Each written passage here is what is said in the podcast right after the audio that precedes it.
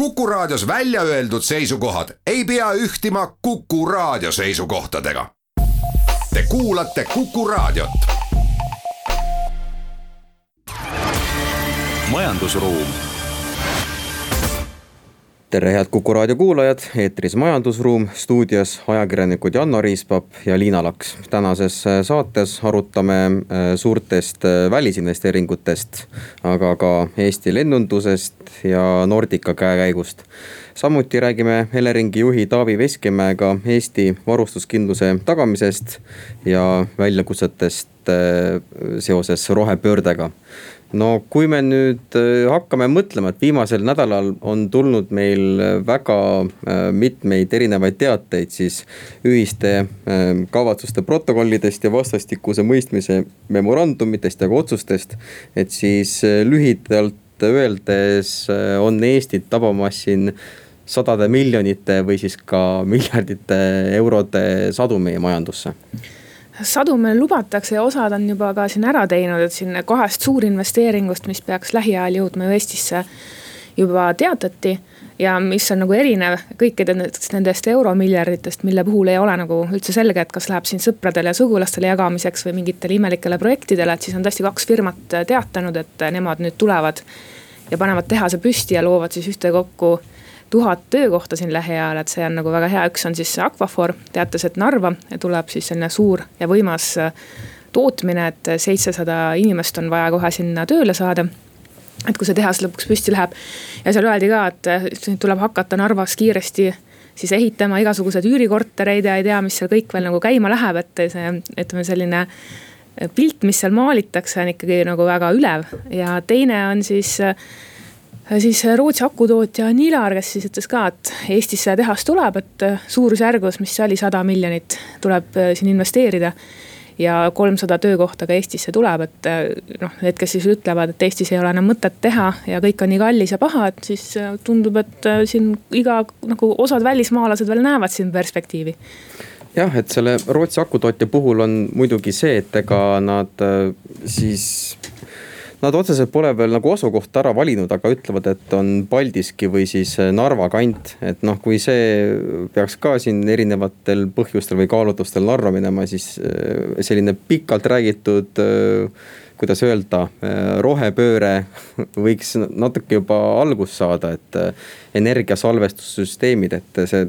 seondub ka väga palju ju taastuvenergia võidukäiguga, et äh, peame nuutputama, et kuidas seda äh, salvestada ja siis nii-öelda vajalikul hetkel kasutada. et põlevkivi, elektri ja siis ka õli tootmine siin ajas äh, paratamatult väheneb ja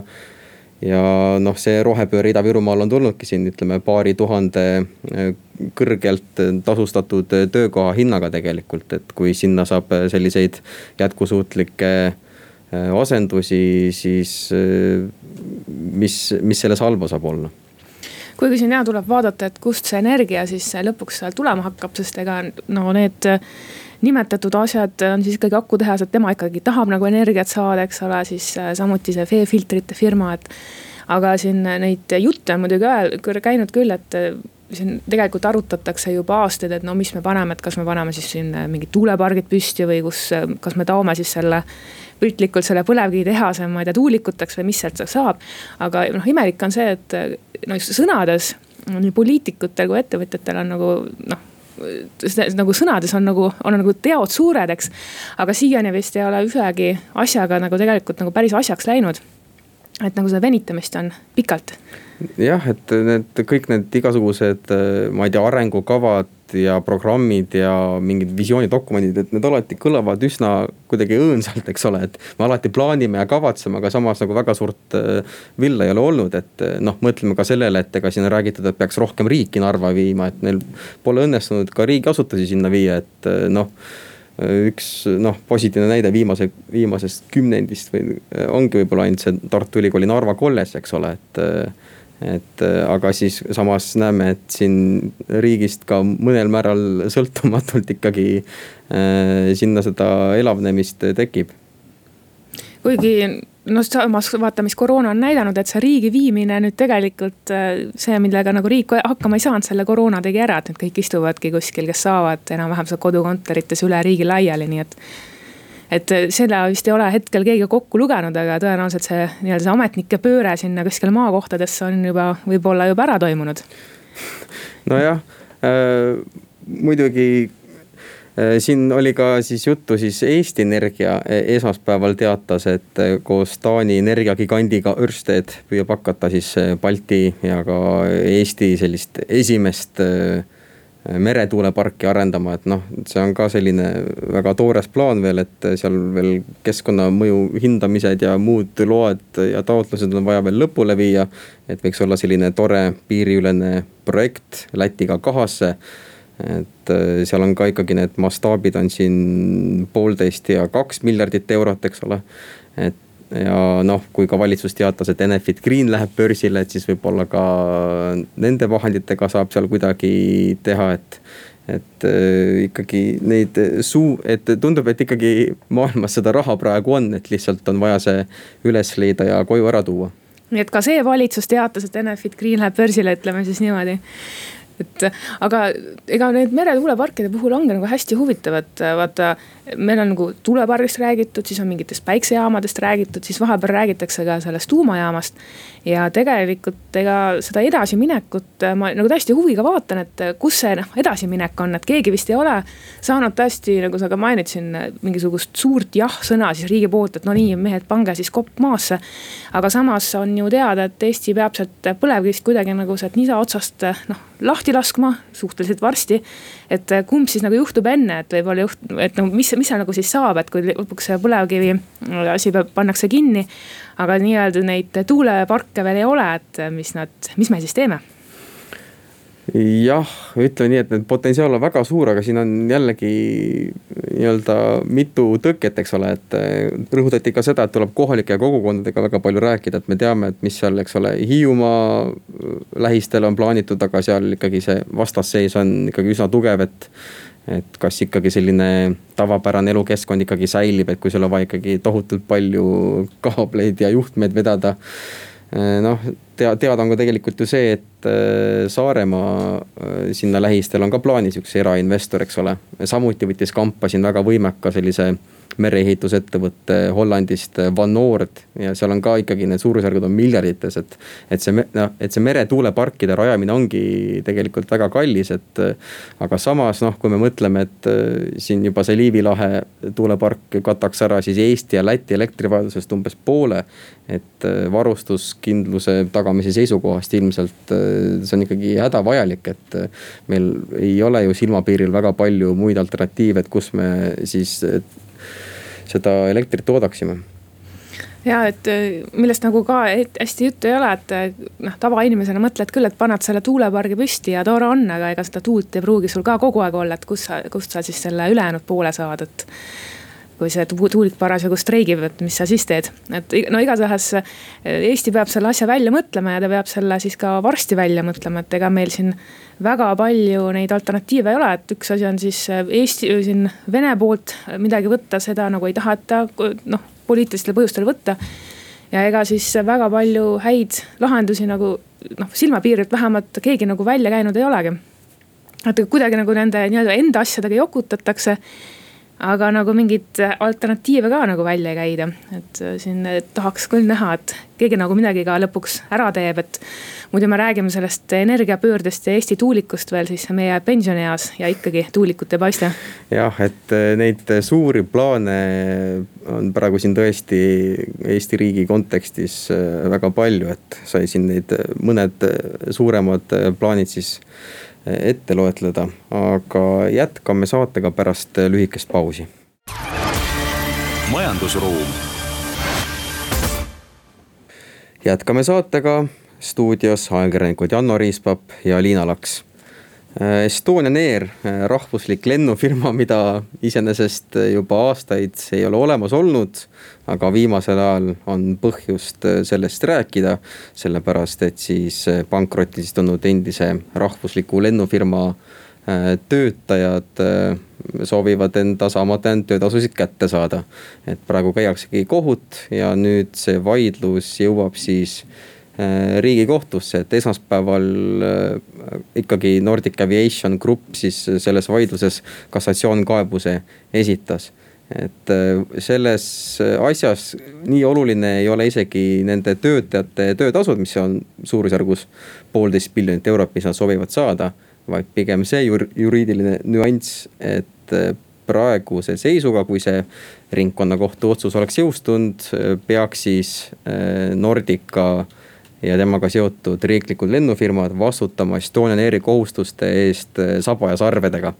Et äh, põhimõtteliselt äh, lähiajal võib siis selgus, selgus tullagi, et mis meie rahvuslikust lennufirmast saab. Iseenesest, kui sa seda vaidlust jälgid, siis on hästi naljakas see, et vaata tihti sa vaatadki mingeid ärimeeste kohtulahendeid, eks ole, kus keegi püüab oma firma maha jätta ja siis lihtsalt paneb uue nime ja siis läheb asjadega edasi. ja siis tavaliselt äh, ongi niimoodi, et kui sa ikkagi suudad ära tõendada, et kuule, see on, tegelikult omanik on sama, äh, äri on sama, et järelikult sa oledki õigusjärglane. ja ma võtsin ette ekstra selle riigikohtu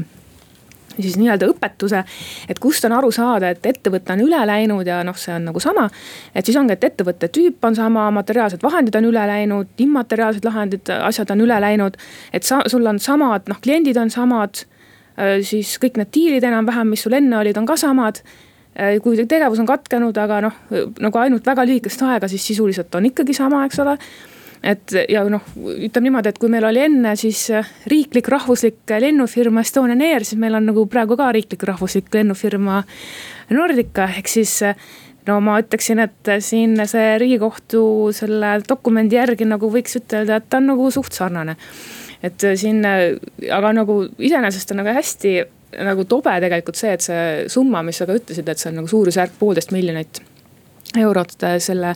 igasuguse saamata jäänud koondamishüvitised ja tasud, mis on täiesti noh riigi, riigi jaoks on täiesti häbiväärne. sul on anda raha mingisugust täiesti mõttetutele projektidele, kuskil lehma-lellepoegadele ja sa ei saa nagu noh, oma töötajate palka nagu ära maksta. see poolteist miljonit, kui sa mõtled, et see on, issand jumal, mis see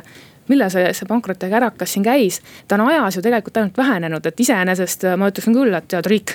ole nüüd täitsa, et sa maksa need ära, pluss maksa ka see inflatsioonivahe kinni, et siis me jõuame hoopis teise summani, et. see, mis on praeguse nagu noh, tolle ajas, tolles ajas oli see võib-olla suur summa, et täna on see mingi, ma ei tea, mingi pagana kommiraha ja et kui meenutada, siis kaks tuhat viisteist novembris, et Estonian Airi viimane äh, lend ei jõudnud maandudagi, et siis juba ikkagi oli varem juba siin see Nordic Aviation Group asutatud. et äh, noh, muidugi siin pooltel on äh, erinev arusaam ja tõlgendus, eks ole, et mõni ütleb, et siin Nordica alguses polnudki lennufirmat, oli sihuke nagu reisibüroo pigem. aga samas. loll on see, kes vabandust ja põhjendust ei leia, et jah, aga see on ka ilmselt selline poolte menetlustaktika, et kui noh, kui me mõtleme siin Estonian Airi endiste töötajate kaitsja seisukoht on see, et või noh, selline ettepanek, mida on ka avalikult ju välja käidud, et nad üldse kuidagi ei varja seda, et riik võiks nendega kuidagi kokkuleppele minna, et siis oleks nii-öelda äh, hundid söönud, lambad terved, eks ole, et saaksid töötajad siis oma mingisugused töötasud kätte, mis nad pole saanud. ja samal ajal ei ole jõustuvat kohtuotsust, mis ütleks, et et äh, Nordica on siis Estonian Airi üldõigusjärglane, et äh, siis sellisel juhul noh, kui me meenutame, siis juba nende riigiabidega oli siin juba väga ammu siin jamasid, et ma, ma ei tea, palju Estonian Airi siin sisse pumbati kokku, kaheksakümmend miljonit vist suurusjärgus. ja selle tõttu sisuliselt ju äh, see pankrotti läkski, et Euroopa Komisjon lõpuks ütles, et see on olnud õigusvastane. ja see ei ole kuidagi siin meie ühisturu reeglitega kooskõlas et noh, võib-olla ongi, et kaitsjad võib-olla mõtlevad ka seal noh, töötajate esindajad, et et kui, et parem on saada, eks ole, kokkuleppele, et siis äh, võib-olla riigikohus ütleb üldse, et äh, tegelikult Nordical ongi õigus ja neil Estonian Airiga suurt midagi pistmist pole, kui see, et äh, mõlemad siin mingil hetkel tegelesid lennundusega no ei tea, aga samas, kui sul on tõesti valida, et kahe halva vahel, et nagu sa ütled, et eh, see halbadest kõige halvem variant ongi see, et pärast riigi, riigikohus tuvastab, et jaa, tegelikult tead, see on nagu üks-ühele sisuliselt sama firma ja sul on tegelikult nõudeid kuskil seal tagataskus veel võtta ja mis ei ole enam suurusjärgus poolteist miljonit, vaid on võib-olla rohkem. et siis tegelikult sul on ju lihtsam tõesti minna kokkuleppele see poolteist miljonit ära maksta ja tasakesi ära klattida. et noh, see on selge, et kui sul on selline riiklik rahvuslik lennufirma, kust see raha tuleb, eks ole, eks ta ikka meilt kõigilt tuleb. aga ausalt öeldes ma arvan, et on hullemaid asju, kuhu ma olen oma maksuraha nagu tagunud, kui noh, tõesti nagu ausalt saamata jäänud töötasudesse kus nagu jamad tegelikult tekitasid siis ikkagi noh, meie siin nagu pigem nagu juhtkonna inimesed, mitte siis pardatöötajad ja piloodid, et et need, aga kusjuures see on hästi, hästi huvitav case, et tegelikult see nagu sa ütled ka, et see jura hakkas pihta ju sellest, et Euroopa Liit ütles, et kuule, te olete nagu tõesti hästi palju peksnud riigiabi sinna lennufirmasse, et nii ei tohi. ja Estonian Air ei olnud sugugi ainukene firma Euroopas, kellel noh, sellega jamasid tekkis. et seal on, neid oli ka teisi, aga ma saan aru, et osad suutsid ennast ikkagi suhteliselt kõrvale nihverdada nendest klauslitest, et ju olid neil siis kuidagi Euroopa Liidus neid huvisid kaitsmas, võib-olla äkki paremad advokaadid. eks ole, Air Baltic, kes samuti sai väga palju raha sealt, aga nemad ilmselt suutsid seal kuskil Brüsseli Brüsseli koridorides enda seisukohti hoopis paremini kaitsta ja öelda, et näed, et meil ikkagi kõik on selline jokk nii-öelda. noh, kui me mõtleme ka viimasele aastale, eks ole, et siin eelmine aasta kõik lennundusega seotud statistikad ja numbrid ikkagi noh, piltlikult võeti kokku sellega, et suurim langus alates teisest maailmasõjast. et eh, nüüd on ka, nüüd on samuti väga paljud riiklikud lennufirmad saanud tohutult riigiabi, et siin Nordica on saanud kolmkümmend miljonit ja ja noh, siin Air Balticul eelmine aasta, ma mäletan, esimene poolaasta tiksus kahjumid siin tempos miljon eurot päevas sisuliselt. et eh, nüüd on ka ikkagi need, need ettevõtted, mis eh, ei ole siis riik, eh, kuidagi riigiga seotud, et noh, kõige tuntum Ryanair, eks ole. et järjest ikkagi kõiki neid Euroopa Komisjoni riigiabi otsuseid siis vaidlustab, et ikkagi, et ei, et ei tohi nagu anda seda riigiabi, et need load on õigusvastased, mis on ka arusaadav, eks ole, et nemad ju ei ole kuskil nii-öelda riigi niisa otsas ja nemad peavad ka pandeemia ajal nagu ise täiesti hakkama saama ja et kui nüüd noh, vaadata ringi ja mõtelda, et mis on nagu majandus ja mis on nagu turg, et ikkagi sul on nagu sellised võrdsed ja on nagu võrdsemad, kellel on alati kuskilt lootust mingit lisa endale hankida aga minu meelest kuskil, no Ryanair on tõesti mitmetes riikides öelnud, et kuulge, noh poisid, lõpetage ära ja sellist niimoodi ei tohi. aga sealt on nagu tulnud kohati otsuseid, et jaa, et ikka saab, et ka Ryanair on ka näiteks siin Estonian Airi enda riigiabi vaidlustanud, et sealt seda otsust vist ei ole veel tulnud, et kas nii tohib või ei tohi. et ma loodan, et siis ei jää, lähe niimoodi nagu, nad, ta on Nordica selle vaidlustanud, ma hakkasin kohe mõtlema. et vaata juba mõistusega sa paned nagu väikse võrdusmärgi vahele, enne kohtuotsust ei tohi teha niimoodi. et siis noh, ongi nagu näha, et kas siis, kas siis saab või ei saa, et loodetavasti, kui nüüd Ryanair selle suure vaidlustamisringi teeb, et ma loodan, siis Eesti ei jää nagu ainsana jälle nagu lolli olukorda, et kõikidel teistel on nagu okei okay,, aga meie, meie siis peame kõik tagasi maksma. jah, siin järjekorras hakkaski pihta siin Lufthansa ja Alitalia ja siis Air France, SAS, Finnair, et sisuliselt noh, ütleme niimoodi, et kõik, kes ikkagi riigilt mingisugust toetust äh, said, et äh, kõik siis otsused Ryanair seal Euroopas ka vaidlustas, et noh, muidugi juba on näha ka, et need vaidlused Euroopa silmis on perspektiivitud, et väga paljud seal juba on sisuliselt tagasi lükatud. et äh, ei ole nagu üldse väga mõtet äh, siin äh, midagi teha, et noh, muidugi Lufthansa puhul ikkagi on ka siin see Michael O'Leary, Ryanairi siis juhtfiguur ikkagi ka väga kriitiline olnud, võrrelnud siin ikkagi umbes mingisuguse purjus onuga, kes pulmas kõikide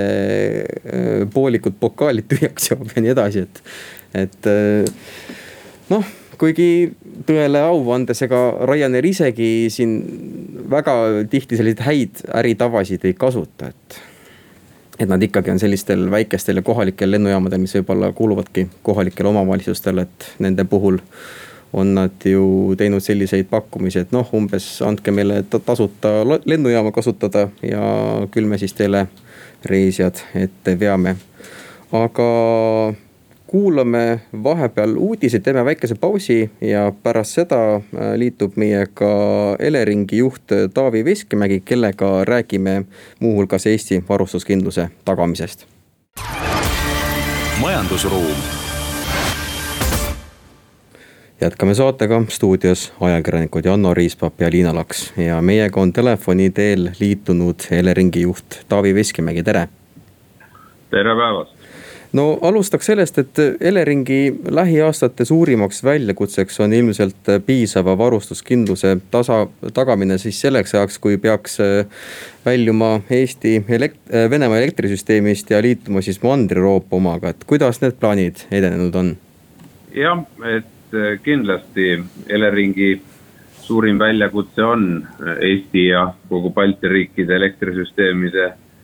liitmine Mandri-Euroopaga, eraldamine Venemaa äh, elektrisüsteemist. seni on projekt kulgenud tõesti väga hästi, et äh, finantseerimine on garanteeritud, ehk siis sisuliselt me oleme äh, saanud Euroopa Liidu toetust kõigile projektidele, mida me plaanime teha, pluss meil on endal varasematest aastatest pandud äh, ülekoormustulu selliselt kõrvale, et me saame seda kasutada investeeringuteks, ehk üks põhiline lubadus, mis meil ju oli antud, oli see, et me sünkroniseerime eh, Eesti ja Balti elektrisüsteemi Mandri-Euroopaga selliselt, et investeeringutest lähtuvalt see mingisugust täiendavat võrgutasu tõusu tarbijale kaasa ei too, et vastupidi, et need liinid, mida me rekonstrueerime, oleks tulnud rekonstrueerida nagunii kui me ei teeks seda sünkroniseerimise projekti raames, oleks pidanud me tegema seda äh, võrgutarbija raha eest, sest siis ei oleks olnud võimalik äh, kaasata sinna sellisel kujul Euroopa Liidu äh, raha. Ja enamus projektid on ka lepingutes, kõige olulisem loomulikult sünkroonkompensaatorid, mis siis aitavad nii sageduse stabiilsust kui inertsi süsteemis hoida, et seal me oleme Siemensiga lepingus äh, Harku-Lihula-Sindi äh, liin, mida ilmselt paljud, kes on Lääne-Eestis sõitnud, on näinud, on ju uuest või selle aasta alguses juba pinges ja, ja töös ja need liinid, mis tulevad sealt Narva, Tartu, Valmiera suunal, et, et need on rekonstrueerimisel ja, ja, ja tööd, tööd liinidel käivad, nii et äh, suures plaanis on see projekt praegu sujunud tõesti hästi ja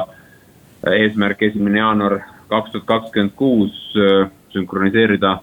Mandri-Euroopa elektrisüsteemiga Balti elektrisüsteem, et äh, tundub praegult äh, olevat plaan, mis on võimalik realiseerida et siis ehitus käib juba täies hoos. teadupärast on siin Valgevenes ja Kaliningradi oblastis toimunud sellised eralduskatsed, et kuidas siis toimiksid nende piirkondade elektrisüsteemid sõltumatult siis Balti riikide omadest. et miks siin Eesti või siis Läti ja Leedu sarnaseid katseid teinud pole? esiteks jah, et, et võib-olla me peamegi siin vaatama seda, et, et see annab ka meile osaliselt vastuse sellele, et ikkagi, mida küsitakse ju aeg-ajalt, et miks meil seda desünkroniseerimist või eraldumist Venemaa elektrisüsteemist vaja on, et, et see ongi täpselt see olukord, et sa võid ju sõltuda oma naabrist, juhul kui ka naaber sinust sõltub. kahjuks meil on jäänud äh, tänaseks päevaks alles olukord, kus äh, Venemaa enam Balti elektrisüsteemist ei sõltu, ehk nad on oma elektrisüsteemi ehitanud äh, sõltumatuks meist, aga äh, meie veel päris seal ei ole. kuigi ma kindlasti kuulajaid siin nii-öelda võin rahustada, et, et kui ka Venemaa peaks mitte planeeritud, planeeritult erakorraliselt Baltikumi eraldama oma süsteemist, siis me kindlasti suudame hoida tuled põlemas ja töötada juba täna eh, ka Baltikumi eh, sünkroonalana eh, eraldi, aga et ei oleks sellist riski pea kohal, sellepärast me no, seda sünkroniseerimist Mandri-Euroopaga teemegi ja, ja ehitame endale üles siis lisaks sellele, mida ma siin kirjeldasin, kogu see liiniehituse poole pealt ka, ka võimekust äh, siis ise hoida ja juhtida äh, süsteemis äh, sagedust.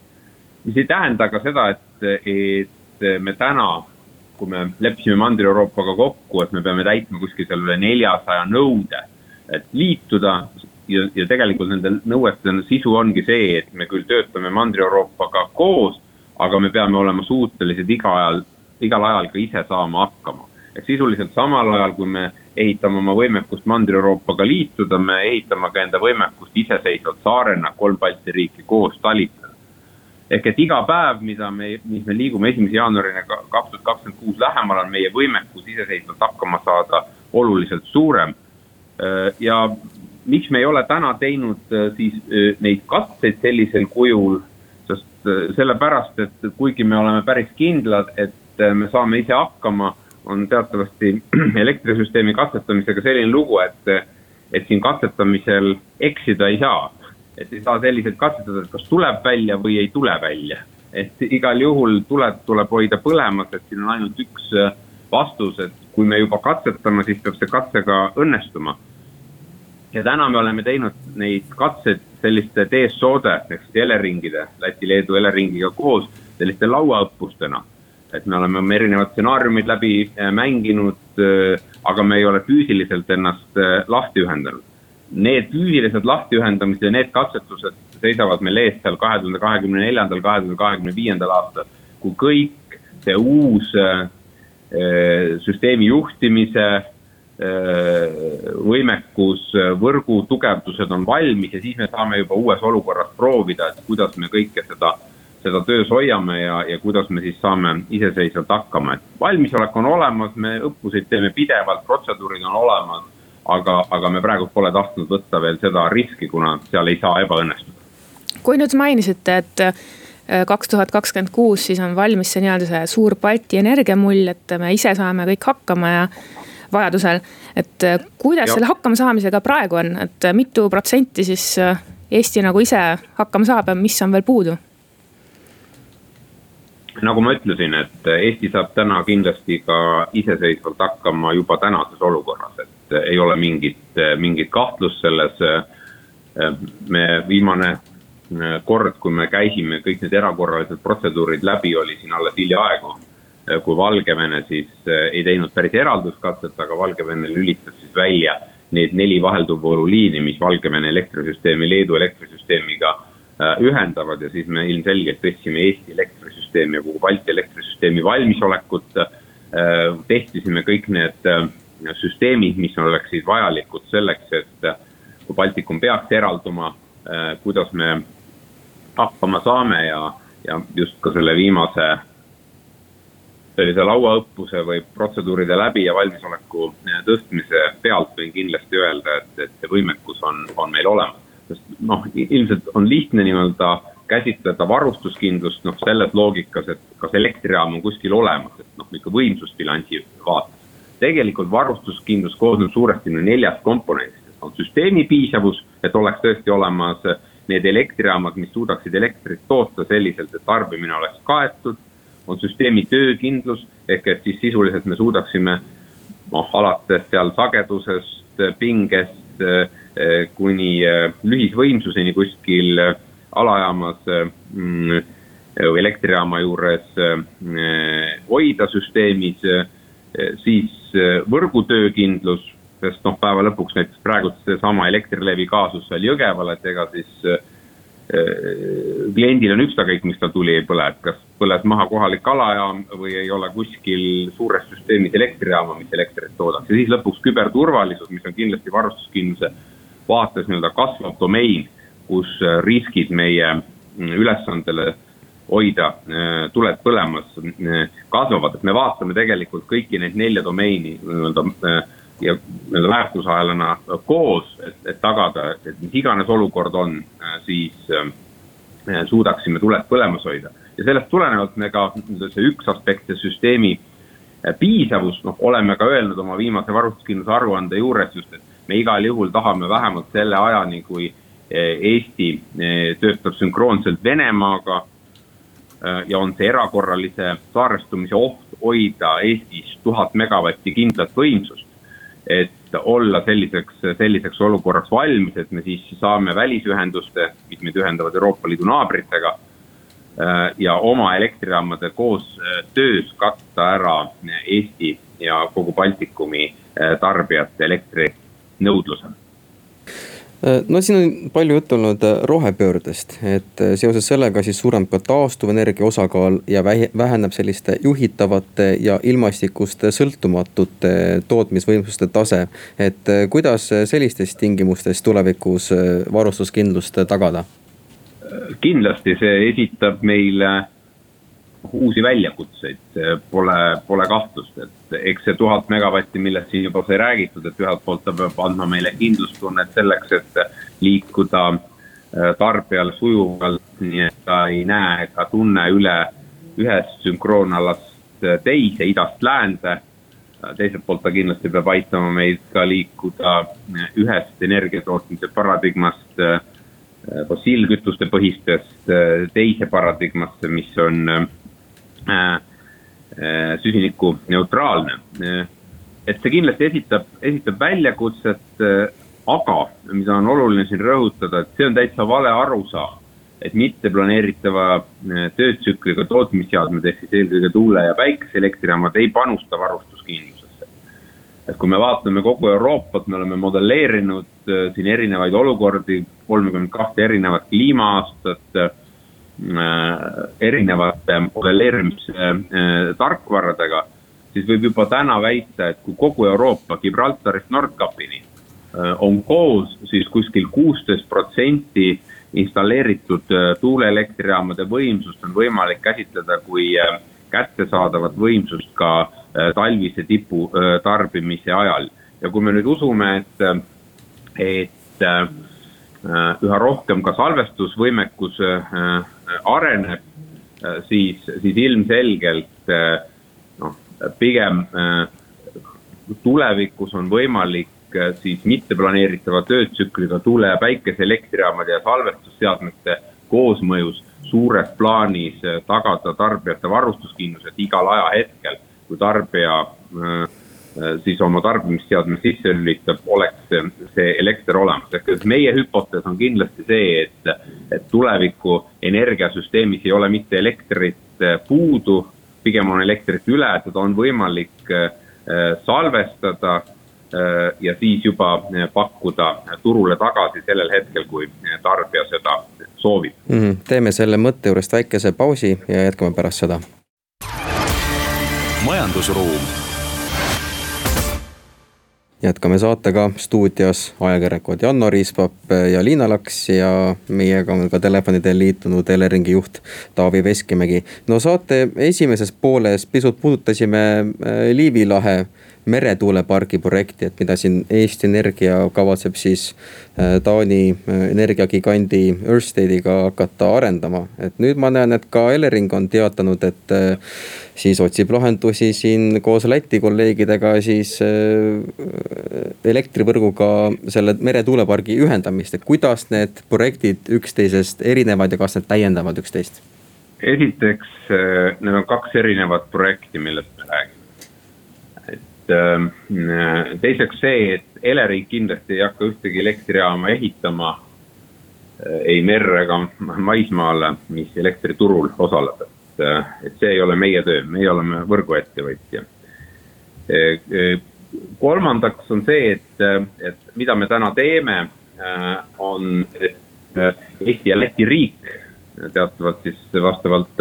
nende riikide energeetika eest vastutavad ministrid leppisid kokku, et, et arendatakse välja ühtne, üks ühine Eesti-Läti või, või mitu ähm, Eesti-Läti ühist mereala, äh, kuhu siis potentsiaalselt äh, on võimalik rajada äh, tuuleelektrijaam või tuuleelektrijaamad Äh, mis siis tähendab seda, et meie töö koos Läti kolleegidega Läti põhivõrgust on, on see, et me täna vaatame, et millised on need võimalikud äh, äh, ühendused, kuidas me saaksime nendele aladele ehitatavat tuuleelektrijaama liita siis nii Eesti elektrivõrguga kui, kui Läti elektrivõrguga ja noh, see alus on tegelikult nagu hästi selge, et, et sisuliselt me siis äh, teeksime valmis võrgu, ehitaksime meres valmis liitumispunkti, siis vastavad riiklikud agentuurid teeksid ära ühelt poolt noh, nii-öelda merealade planeeringu niikuinii, aga teiselt poolt sisuliselt sinnamaani, et on võimalik tulla ja hakata ehitama ja siis juba tehtaks sisuliselt sellele õigusele äh, ehitada äh, ja liituda kas siis vähempakkumine, vähempakkumine väiksemale taastuvenergia toetusele või enampakkumise. et on, kes kõige rohkem maksab selle mereala ja, ja liitumispunkti kasutamise õiguse eest, et, et oleks hästi selline transparentne ja, ja kõigile ühetaoline. ehk et ükskõik, kas see arendaja on siin Eestist, on see arendaja kuskilt, kuskilt väljast, sest noh, eesmärk ju ilmselgelt saab olla ühel ühiskonnal see, et, et mereala see on avalik ressurss, avalik hüve, et me ühiskonnana maksimaalselt äh, väärindaksime seda. Äh, ja ilmselgelt ei saa olla parimat väärindamise viisi kui läbi avalike oksjonite, kus sisuliselt siis kõigil on võimalik võrdsetel läbipaistvatel alustel äh, konkureerida sellele merealale, sellele liitumisvõimsusele, mis on ette välja arendatud ja noh, ja siin ongi võib-olla hästi oluline on see, et ja kõik teised loomulikult äh, me teame, et äh, ka Eesti majandusvöötmes on väga palju huvilisi, äh, kes tahaksid erinevatesse kohtadesse mereelektrijaamasid ehitada, et, et loomulikult ka kõik teised projektid saavad ja võivad põhivõrguga liituda, et lihtsalt siin ongi see erinevus, et et mida meie täna vaatame, on selline hübriidlahendus, et me ehitame täiendava Eesti-Läti ühenduse, mereühenduse ja paneme sinna peale ka äh, siis potentsiaalselt või anname võimaluse liituda seal siis potentsiaalselt ka äh, elektrijaamale ja teised on sellised radiaalühendused siis, mis sisuliselt siis nii-öelda, kus elektrijaam tahab liituda mingis olemasolevas alajaamas äh, ja siis juba vastavalt me teeme liitumispakkumise ja, ja need kulud ise kattes on võimalik siis oma elektrijaam, nii nagu ka maismaal olev elektrijaam elektrisüsteemiga liita. siin ma korra pistan vahele, et äh, siin esimesest poolest jäi äh, noh kõlama, et te teete hästi suuri investeeringuid. et kõik läheb võimsamaks ja paremaks. et siin on pikka aega olnud Eesti tööstusettevõtetel mure, et ma nüüd püüan tsiteerida peast äh, ühte ettevõtjat, kes ütles, et Eesti elektri puhul on nagu halb on see, et kvaliteet on halb, et klõpsutatakse kogu aeg seda elektrit ühest ärajaamast teise, et nendel kõik need kallid masinad lähevad katki et sellepärast on nagu neid tööstusettevõtteid ka Eestis kulukas pidada, et kas see probleem nüüd nende investeeringute ja asjadega kaob siis ära Eestist? Need vist on päris kaks erinevat äh, teemat, äh, et äh, mis puudutab elektri kvaliteeti, siis ma arvan, et Eestis on elektri kvaliteet vähemalt põhivõrgu tasemel küll väga hea, et kui ma vaatan eelmise aasta andmata jäänud energiat, siis see oli Eleringi võrgus kümme koma kolm megavatti tundi. noh, mis on praktiliselt nihuke ühe keskmise kodumajapidamise aastane elektritarve ja sellest ka kõige suurem osa oli sisuliselt seotud ühe elektrijaama ühiskatsega, kuna elektrijaamad peavad vastama võrgueeskirja nõuetele, äh, siis sisuliselt nii-öelda tavategevusest põhivõrgust andmata jäänud elektrit äh, põhimõtteliselt ei tekkinud, nii et ma küll julgeks öelda, et, et elektri kvaliteet on, on Eestis ikkagi väga-väga hea, kindlasti võrreldaval tasemel mis iganes Lääne-Euroopa äh, riigi äh, elektrisüsteemis pakutava elektri kvaliteediga. see, mis mured minuni on ka ettevõtjatelt jõudnud, on, on tegelikult ikkagi pigem elektri hinnapõhised. Ehk et küsimus on selles, et, et kas see elektri hind, lõpphind, mis siis on nii elektri, selle elektroni hind kui võrgutasud, kui ka siis käibemaks, aktsiisid, äh, elektriaktsiis, et kas see võimaldab meil siin tegutsevatel ettevõtetel olla globaalsel turul konkurentsivõimelised. ja see on, ma arvan, väga nagu selge mure saada. ja see on nagu üks mure ka, mida meie oleme adresseerinud, kus meil on tekkinudki niimoodi nagu imelik kuvand, et, et nagu Elering oleks elektrijaamade vastu. et, et noh, siin on palju ju häid ideid, kõiki võiks Eestisse rajada äh,. aga kõik on nii-öelda ühe klausliga, et võiks rajada küll aga äh, olge head, makske toetust, et noh, teatavasti me täna juba maksame sada miljonit äh, eurot taastuvenergia toetust. Äh, kui me nüüd tahaksime veel mingitele elektrijaamadele maksta toetust, ega siis mujalt seda raha võtta ei ole kui tarbija taskust. et, et sellel varustuskindlusel on sellist nii-öelda kaks või noh, võib-olla isegi kolm poolt, eks ole, et aga, aga, aga kaks poolt igal juhul, et mida rohkem elektrijaamu, ilmselgelt seda parem on elektrivarustuskindlus. Eleringi töö ka palju lihtsam. miks meie oleme skeptilised erinevate nii-öelda elektrijaamade projektide juhul, ongi see, et see mündi teine pool et see tuleb kellelgi kinni maksta. Ja meie oleme defineerinud, et me tahame tagada Eesti tarbija varustuskindluse eh, Eesti majanduse konkurentsivõimet toetaval moel, et mitte pista äh, tarbija rahakotti kätt elektrijaamade doteerimises, kui me ei näe, et tegelikult oleks süsteemi piisavuse riski, mida siis meie varustuskindluse aruanded, mida me teeme koos kõigi neljakümne kolme Euroopa Eleringiga koos üle-euroopaliselt ei näita, et sellist äh, probleemi oleks ja täna kümme aastat ettevaatavalt ei ole need raportid sellist probleemi näidanud, et me peaksime täiendavalt tarbija rahakotti käe pistma, et maksta siis äh, toetusi mingitele elektritootjatele, et nad kas oma kahjuks meie saateaeg hakkab nüüd lõppema. E, meil oli külas Eleringi juht Taavi Veskimägi, majandusruum on jälle eetris järgmisel nädalal. Majandusruum